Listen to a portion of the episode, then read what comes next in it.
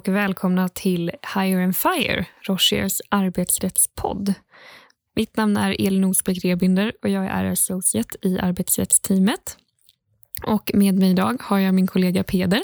Hej Peder. Hej. Vill du berätta kort om dig själv? Ja, jag heter Peder Boström och jag är senior associate i Rochers arbetsrättsteam.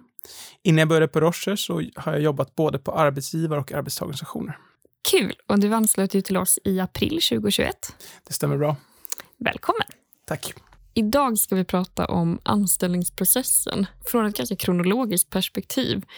När man börjar fundera på att tillsätta en tjänst, vem man bör anställa, hur man bör formulera ett anställningsavtal och sen vilken information som man behöver spara. Och det här gör vi då ur vårt perspektiv som, som arbetsrättsjurister. Så vi kommer att helt fokusera på de, de arbetsrättsliga krav som uppställs i den här situationen.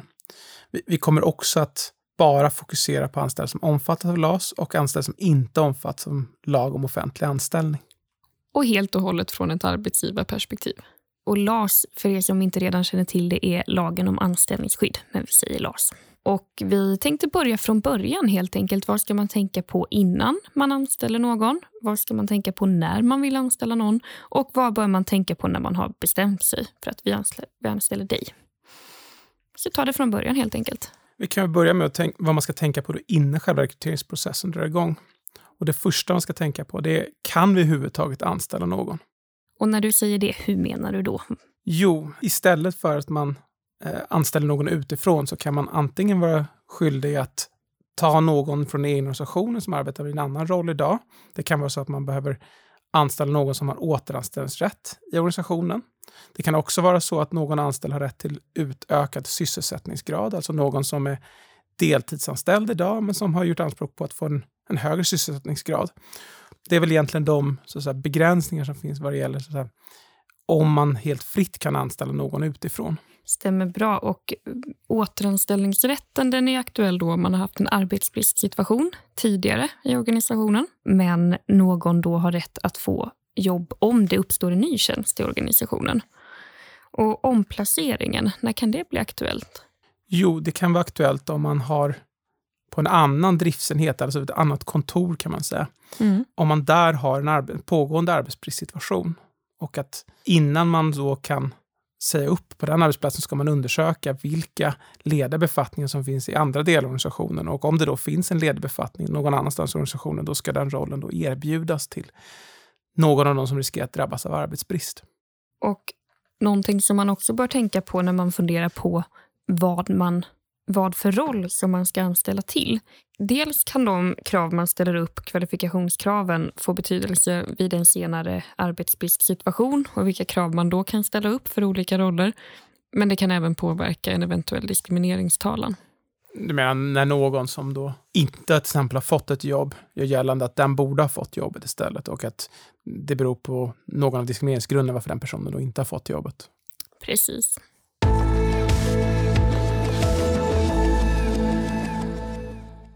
Eh, men får man fråga vad man vill under en rekryteringsprocess? Ja, mitt hypotetiska svar är ju ja.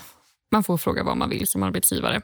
Men man bör ju vara medveten om att de frågor man ställer på något sätt indikerar ju vilka hänsyn man tar i bedömningsprocessen. Så att man skulle kunna säga att man kan få vara beredd att få tillbaka det man har ställt som frågor. Man får ju också vara medveten om att man kan få veta saker som man egentligen inte vill veta. Råkar du få reda på att en arbetstagare är gravid så är det mm. svårt att inte väga in det i dina, när du väljer vem du ska anställa. Och det i sig skulle då kunna utgöra diskriminering. Så vad vi menar när vi säger att det är någonting man kan få tillbaka eller man kan få information som man inte vill ha är att i den mån någon upplever sig ha blivit diskriminerad eller missgynnad på grund av föräldraledighet så blir det problematiskt om man har ställt och efterfrågat viss typ av information. För då framstår det ju som att man har velat bedöma den frågan.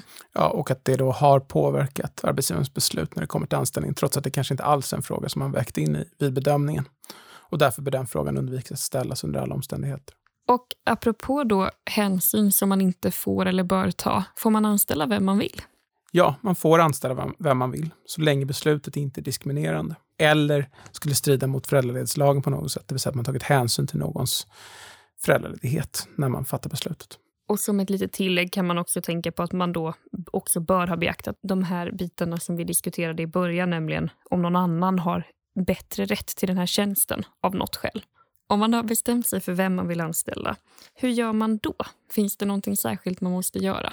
Ett anställningsavtal kan ingås formlöst, så det finns inga formkrav för själva anställningsingående.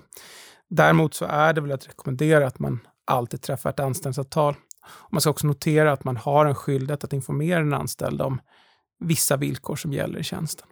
Just det, och då tror jag att du tänker på 6C i LAS. Det stämmer bra. Och Då innebär det i princip att man som arbetsgivare ska ge information i skrift om vissa villkor som typiskt sett är väldigt viktiga för den anställda att få veta.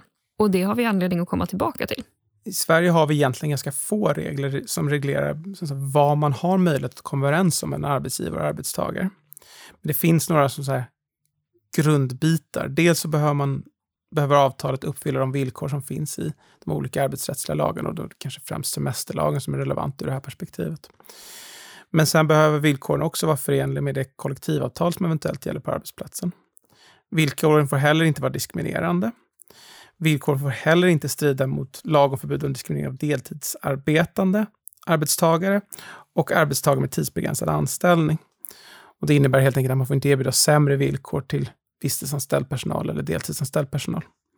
Villkoren får därutöver inte strida mot avtalslagens regler och som en yttre ram får heller inte villkoren strida mot god sed på arbetsmarknaden. Det är dock lite svårt att precisera vad det skulle kunna vara för någonting.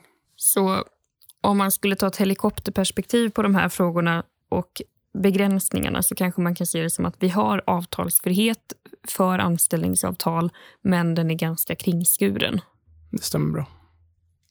Och Sen kan man då fundera på vad bör anställningsavtalet innehålla? Vilka punkter borde man ta med när man skriver ett anställningsavtal? Då finns ju dels nödvändig information och sen annan information som är så att bra att den finns med, men som egentligen inte är nödvändig.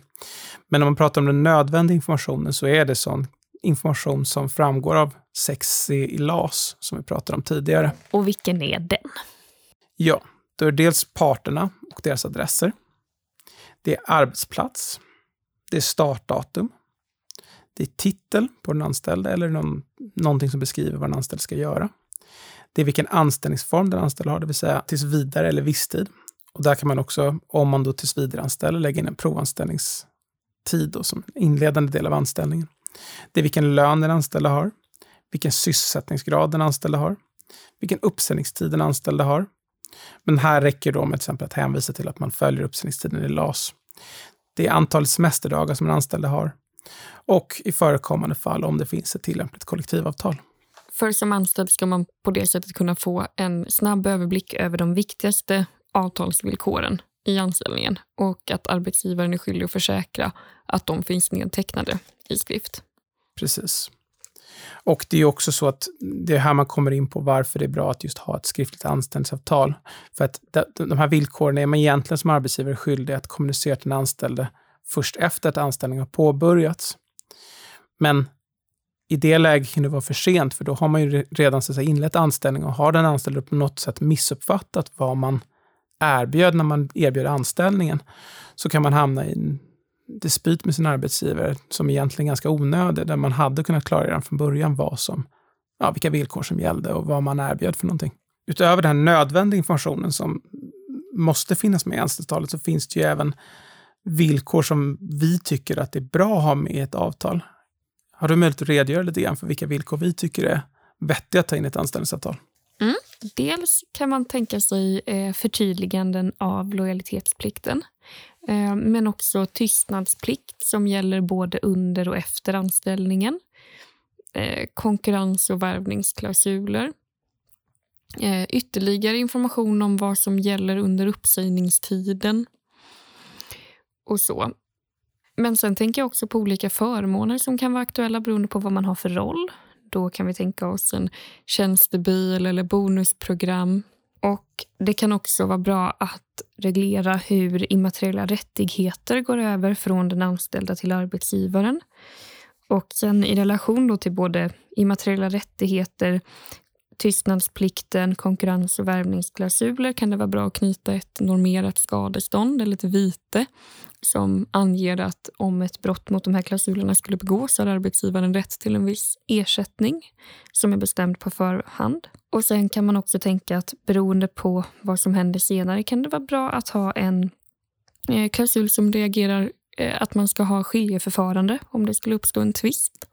Och även för tydlighets skull ange vilken tillämplig lag som gäller på anställningsavtalet.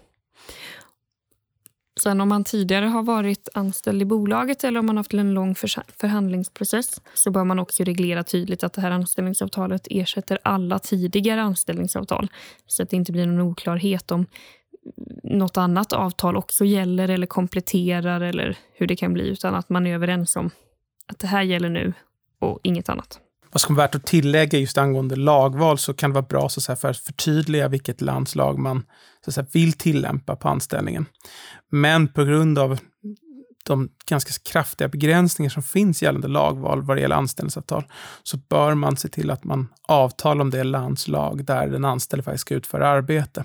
Annars riskerar man att hamna i en situation där den anställde kan välja och vraka mellan flera länders rättsordningar. För arbetsgivare som saknar kollektivavtal är det därutöver vanligt att man har en mängd förmåner som annars regleras i kollektivavtalet, de då istället på något sätt behöver regleras i den enskildes avtal eller inom policy.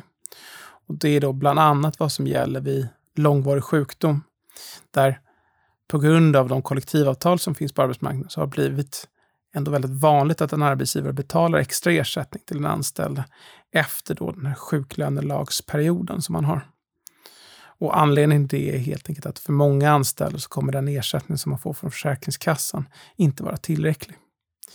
Därutöver är det vanligt att man avtalar om pensionsförmåner. Det finns ingen lag i Sverige som tvingar en arbetsgivare att betala tjänstepension till sina anställda. Men även här då är det på grund av kollektivavtalens inflytande så har det blivit vanligt att även arbetsgivare utan kollektivavtal betalar tjänstepension till sina anställda. Vad är det tjänstepension så är det dock vanligt att de här frågorna är reglerade i en policy och att man snarare har en hänvisning i anställningsavtalet till den policyn. Det är dessutom vanligt att man har en, en lång rad försäkringsvillkor som så att säga, ingår i anställningen och även här är det vanligt att man har det i policy. Och då är det då främst de kollektivavtalade försäkringarna TFA och TGL. TFA och TGL sa du, vad innebär det? TFA står för trygghetsförsäkring arbetsskada. Och det är helt enkelt en, en arbetsskadeförsäkring. Så om arbetstagaren skadas i sitt arbete, oavsett om det beror på arbetsgivarens vållande eller inte, så har arbetstagaren möjlighet att få ersättning från försäkringen. Och TGL står för tjänstegrupplivförsäkring. Och det är helt enkelt en livförsäkring. Så om den anställde skulle avlida så kommer arbetstagarens familj att få viss ersättning från den här försäkringen. Därutöver så erbjuder vissa arbetsgivare sina anställda föräldralön. Det är kanske inte riktigt lika vanligt som de här tidigare förmånerna vi diskuterade, som då återfinns i kollektivavtalen. Men det händer också att även kollektivavtalslösa arbetsgivare erbjuder sina anställda föräldralön. Det vill säga en kompletterande ersättning under den tid som en anställd är föräldraledig och ersättning från Försäkringskassan.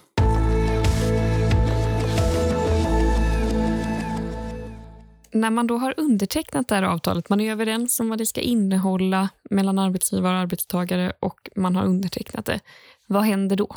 Kan man liksom sätta det i dokumentförstörarmaskinen? Nej, det här avtalet måste sparas. Det är ett bevismedel för att visa vad man faktiskt har kommit överens om med arbetstagaren, så det är jätteviktigt att man har kvar det om det skulle uppstå någon oenighet om vad man faktiskt har kommit överens om. Och Det kan ju också vara så att när man behöver avtalet är det olämpligt att fråga arbetstagaren efter arbetstagarens kopia. För det kan ju ge någon indikation på att någonting är på gång. Och apropå att spara saker eh, så tycker vi också att man borde spara information som har att göra med själva anställningsförfarandet.